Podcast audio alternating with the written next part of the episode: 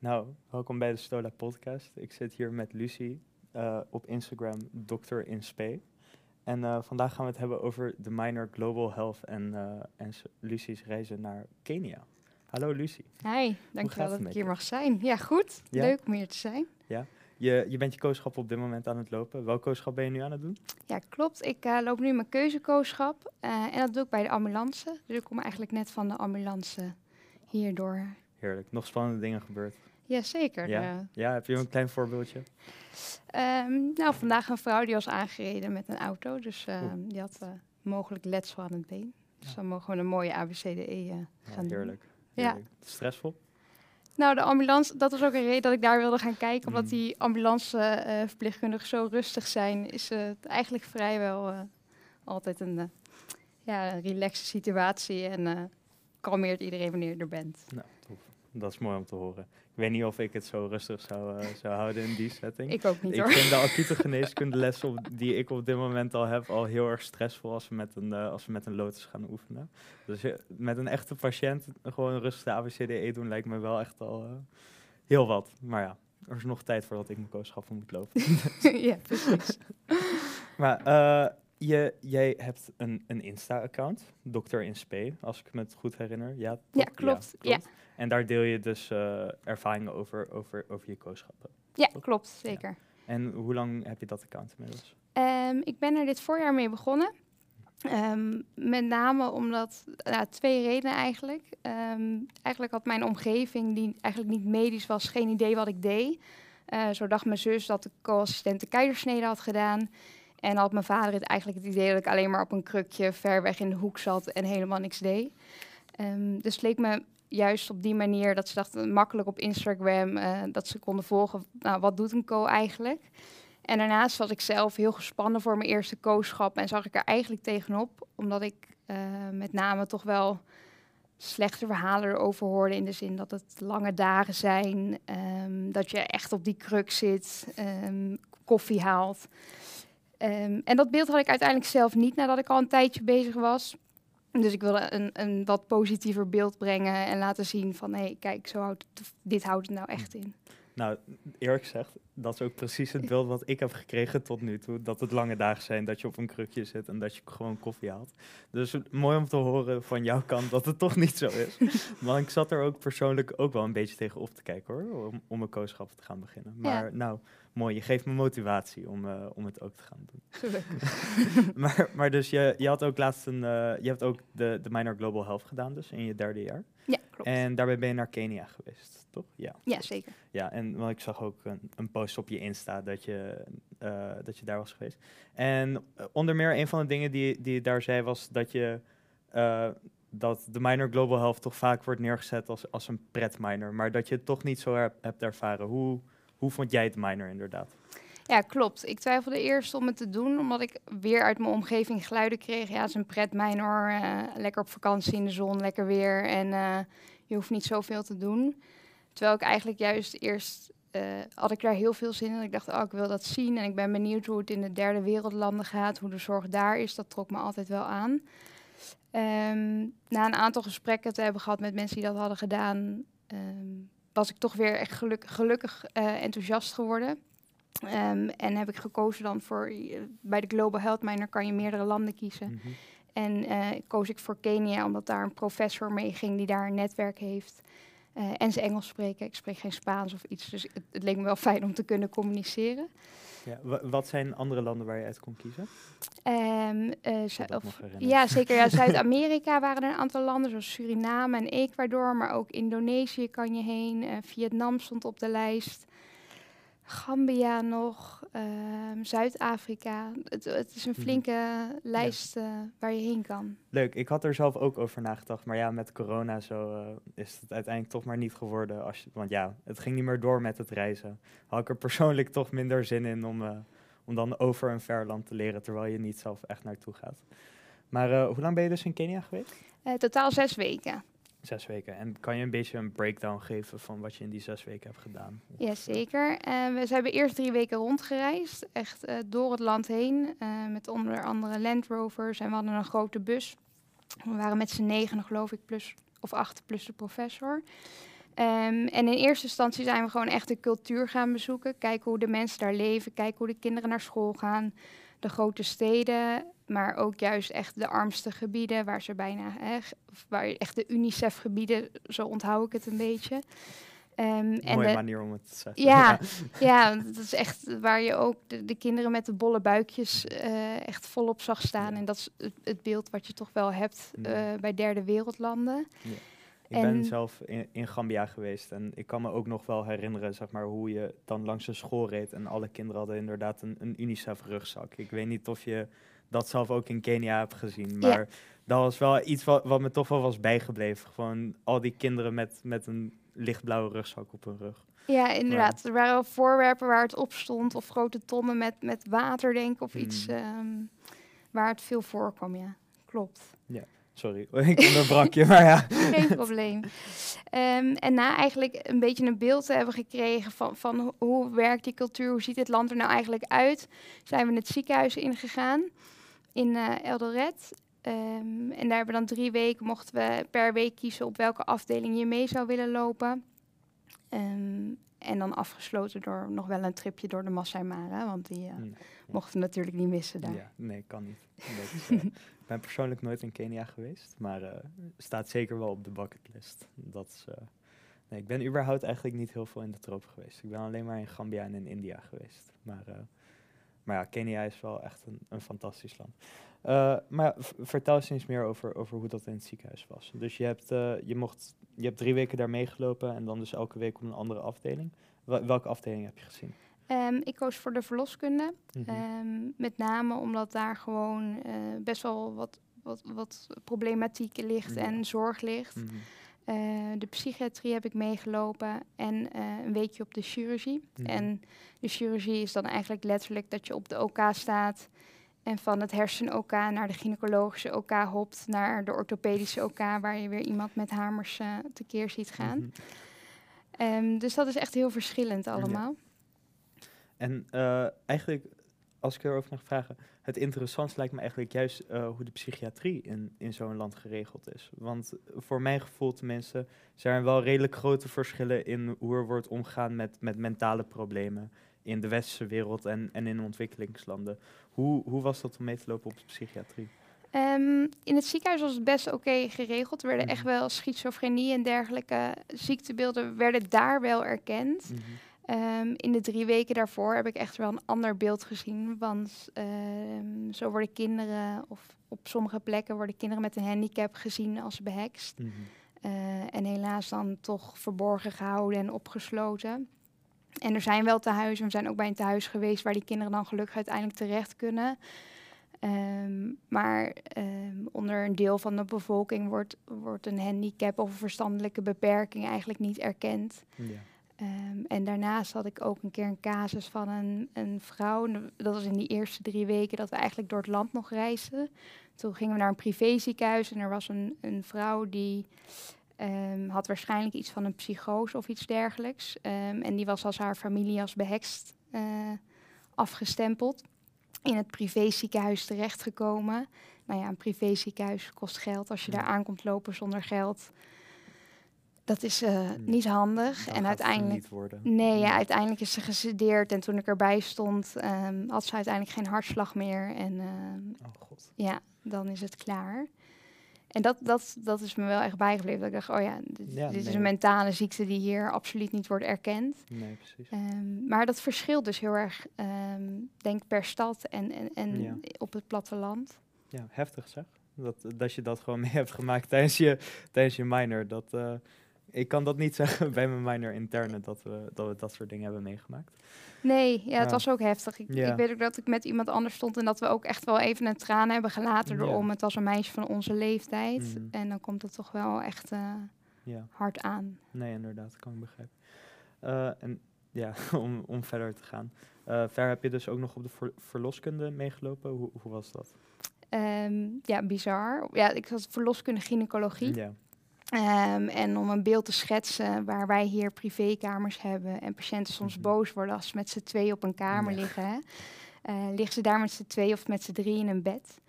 god. Ehm, maar dankbaar dat ze in het ziekenhuis zijn. Dat, Ja. dat, dat is gewoon heel bijzonder. Ehm, en de verzorging en het eten wordt geregeld door familie. Dus Mhm.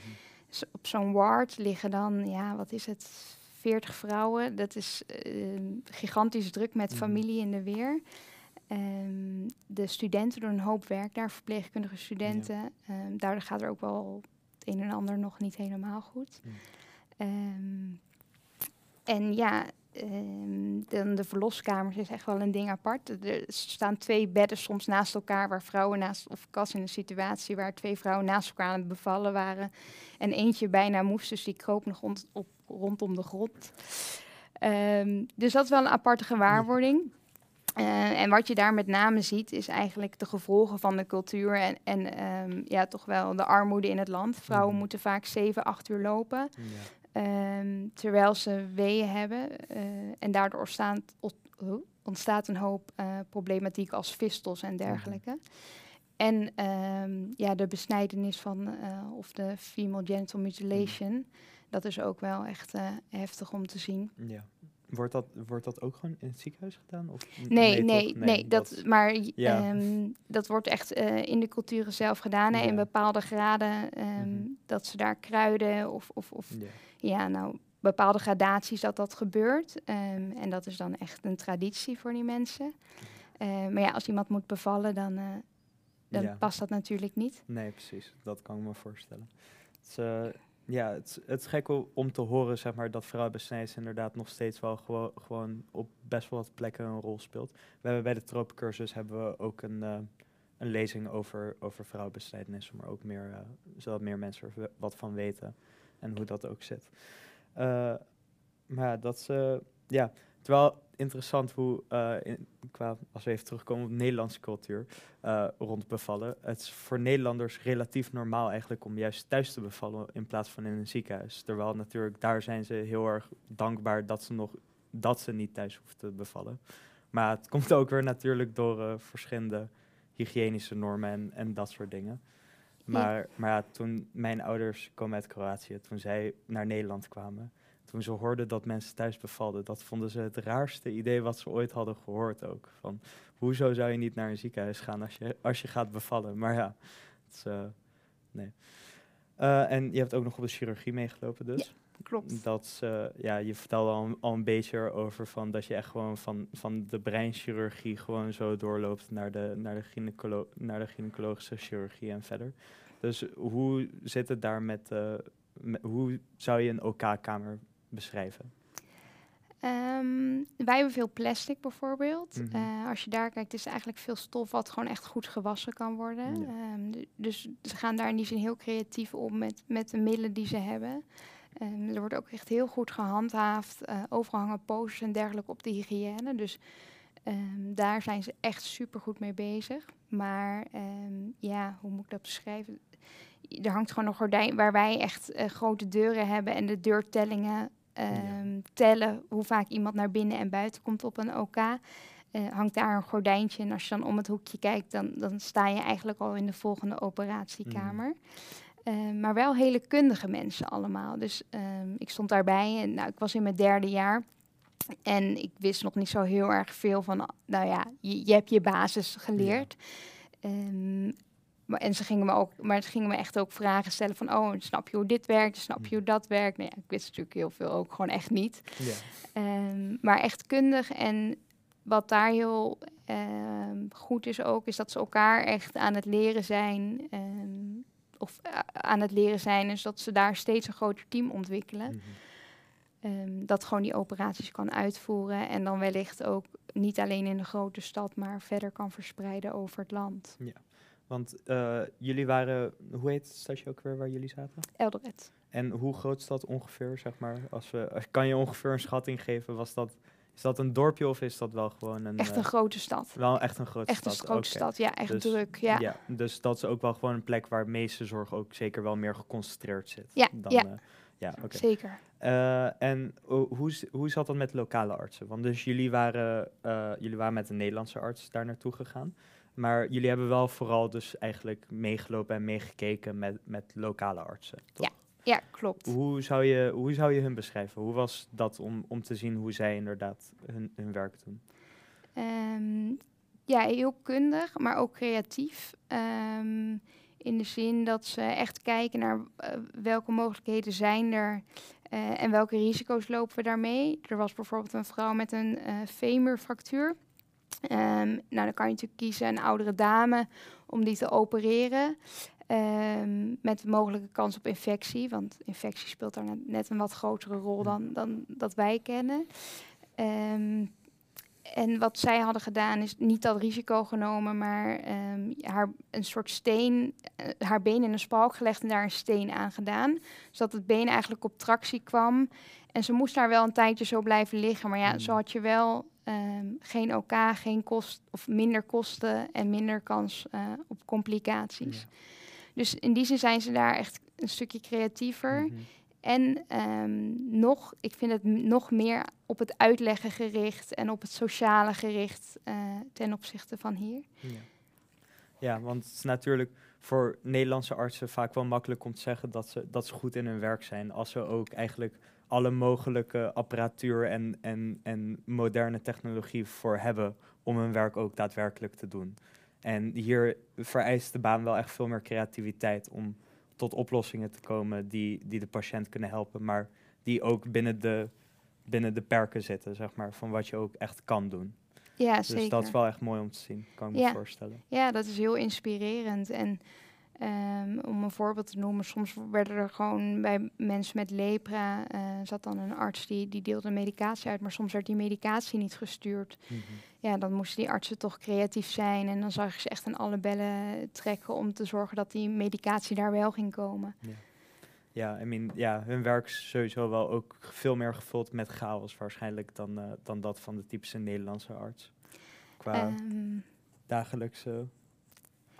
Of nee, vind je niet? Eh, ja, wel inderdaad dat ze, ik denk, eh, best wel wat, wat hoe noem dat, uitdagingen tegenkomen. Maar toch zijn ze ook allemaal eh, heel relaxed, Mhm.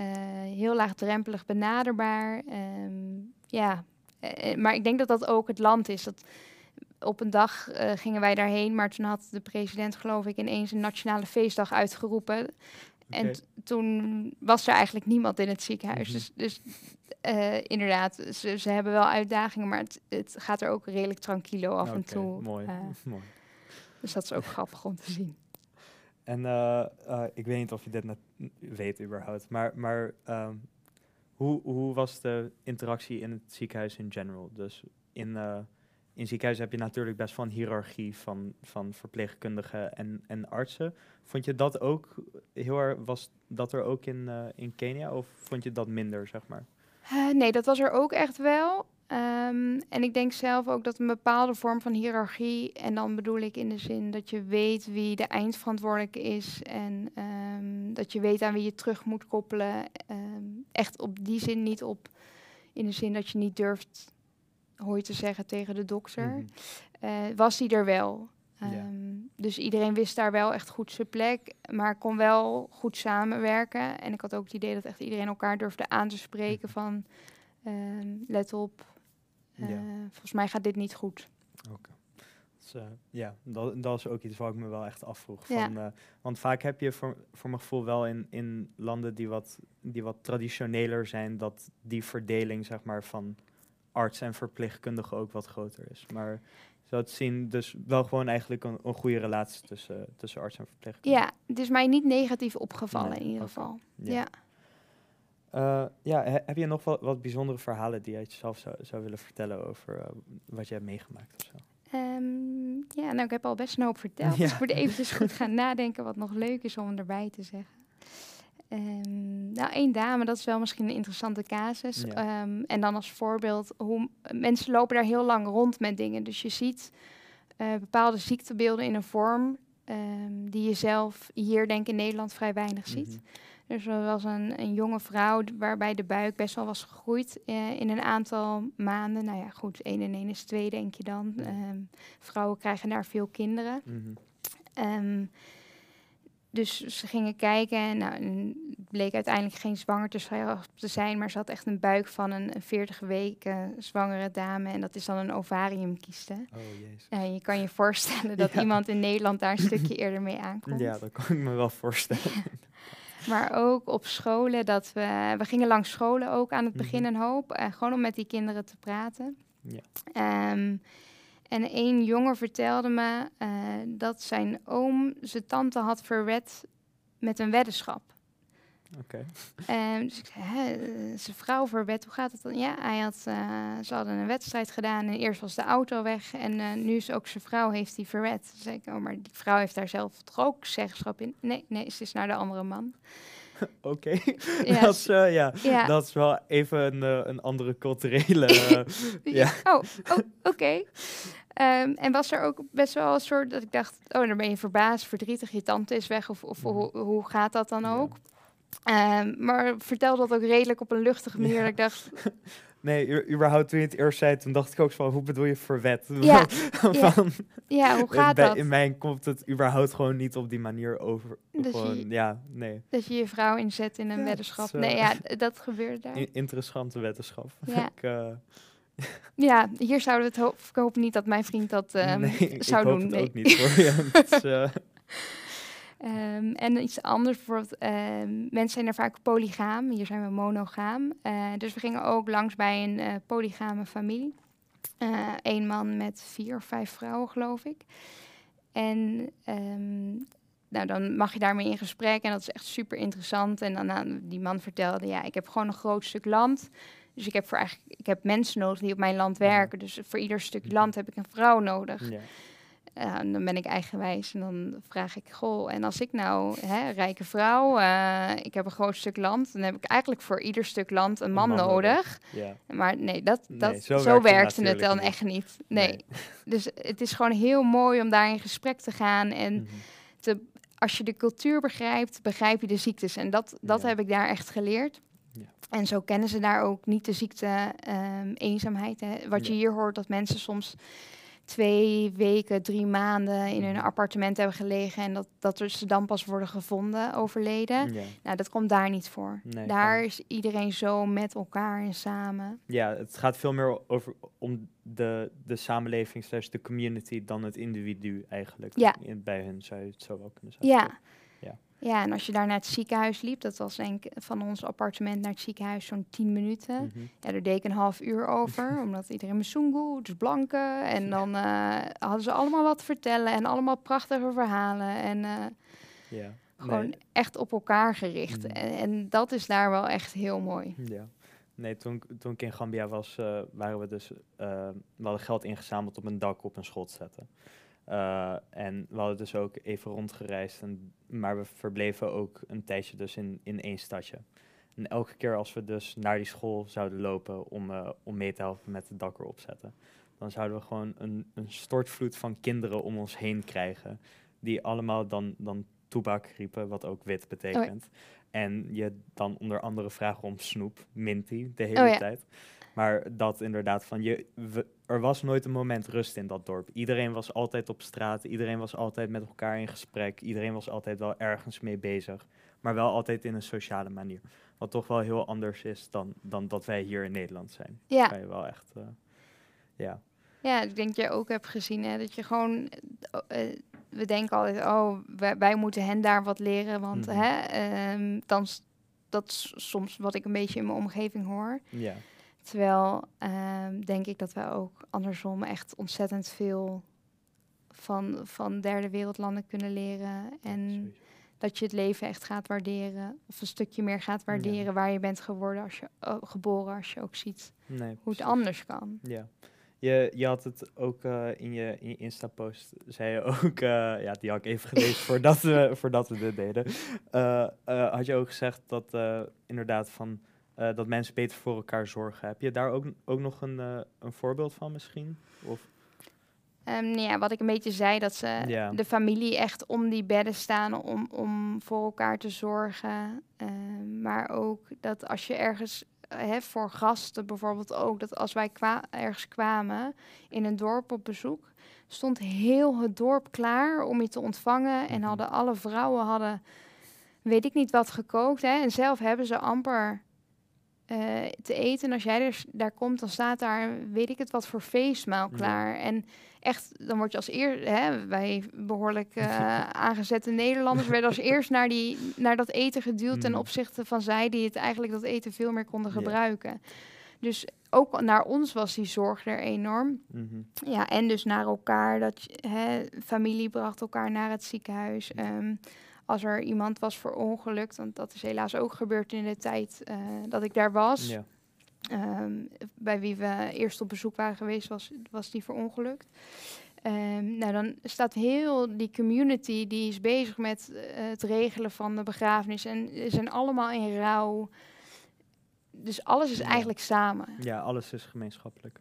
Ja, mooi om te horen. Dat is toch eh, inderdaad iets wat echt af en toe mist in Nederland. Dat we, ja, iedereen doet gewoon zijn eigen ding, kijkt recht voor zich uit met zijn oortjes in. En eh, we zien elkaar eigenlijk niet meer echt daardoor vaak. Maar, nee, eh, klopt, ja. eh, zijn er nog andere dingen die je wilt bespreken?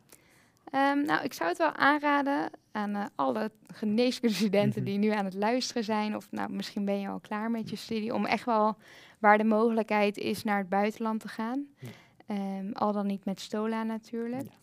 Want ik was ook zeker van plan mijn keuze en mijn oudste kooschap lekker in het buitenland. of in Mhm. een derde wereldland te doen. Nou ja, goed, corona Ja. gooit natuurlijk voor iedereen lekker roet in het eten. Ja, natuurlijk. Helaas. Ehm, maar er is ook een. eh, hè, je hoeft het niet allemaal uit je eigen zak te betalen. Vanuit Erasmus is er natuurlijk ook een potje waar je als student gebruik van kan maken. En het is absoluut geen pret minor, of geen pret minor als je iemand erover hoort. Je leert er echt, nou ja, echt ontzettend veel van. En dat is echt niet misschien in de manier van geneeskunde dat je alle botten in het lichaam kan Mm. benoemen of alle ziektebeelden perfect kent. Eh, maar wel voor je algemene medische ontwikkeling en eigenlijk ook gewoon je algemene. Ja. Ja, Nee, reizen is belangrijk. Het is belangrijk om, om verschillende culturen te, te zien en om ook te begrijpen waar mensen vandaan komen en wat hun uitgangspunt is voor, voor hoe ze de wereld zien. Ja. Dat is hoe ik er al, altijd naar kijk, tenminste. ja nee, ja, zeker. Klopt. Ja, eh, eigenlijk nog, nog heel even kort ehm, over hoe je, hoe je bij de Minor Global Health komt. Dus volgens mij is daar ook een, een voorbereidende opdracht voor. Ik weet niet of je je dat nog herinnert. Was dat er ook toen jij... eh, Ehm, nou, volgens mij niet. Eh moesten we wel een motivatiebrief schrijven Mhm. waarom we naar het land zouden. eh, er was een informatiemarkt, daar Ja. ben ik heen geweest. Ja. eh, waar mensen vertellen over de landen waar ze hebben gestaan.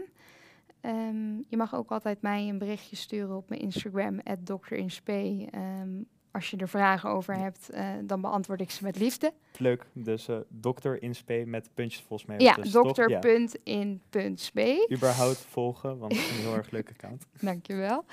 Ehm dus eh, ik heb me voorbereid door echt met mensen te praten. Even gekeken wie er... Er zijn ook Facebooks geloof ik van Global Health Mhm. Minor. Ehm, te kijken wie er zijn geweest. Nou, dan ken je vast wel iemand. Of via via ken je Mhm. iemand. Of schiet gewoon iemand aan. Want iedereen vindt het leuk om daarover te vertellen. Ja. Nou, toen heb ik een motivatiebrief moeten schrijven welk land. Want ik moest een top 3 opgeven. Ik weet niet of dat nu nog steeds zo is. Ik denk het wel, ja. Ja, het is inmiddels vier jaar geleden. Ehm, en dan heb je, begin je wel iets eerder in de zomer met, eh, met het onderwijs. Hè? Dus je levert wel een stukje van je, van je zomervakantie in. Ja. Maar je krijgt er echt ehm, een wereld voor terug, denk ik. Ja, kan ik me voorstellen. Nou, helemaal top. Eh dankjewel, Lucie. Nog een keer Insta, at dokter in spe met puntjes ertussen. Dankjewel. Volgen. En eh, bedankt voor dit leuke en interessante gesprek en de mooie inkijk in, eh, in de Minor Global Health. Nou, bedankt dat ik hier mocht zijn en lekker mijn verhaal mocht doen. Yes, helemaal top. Oké,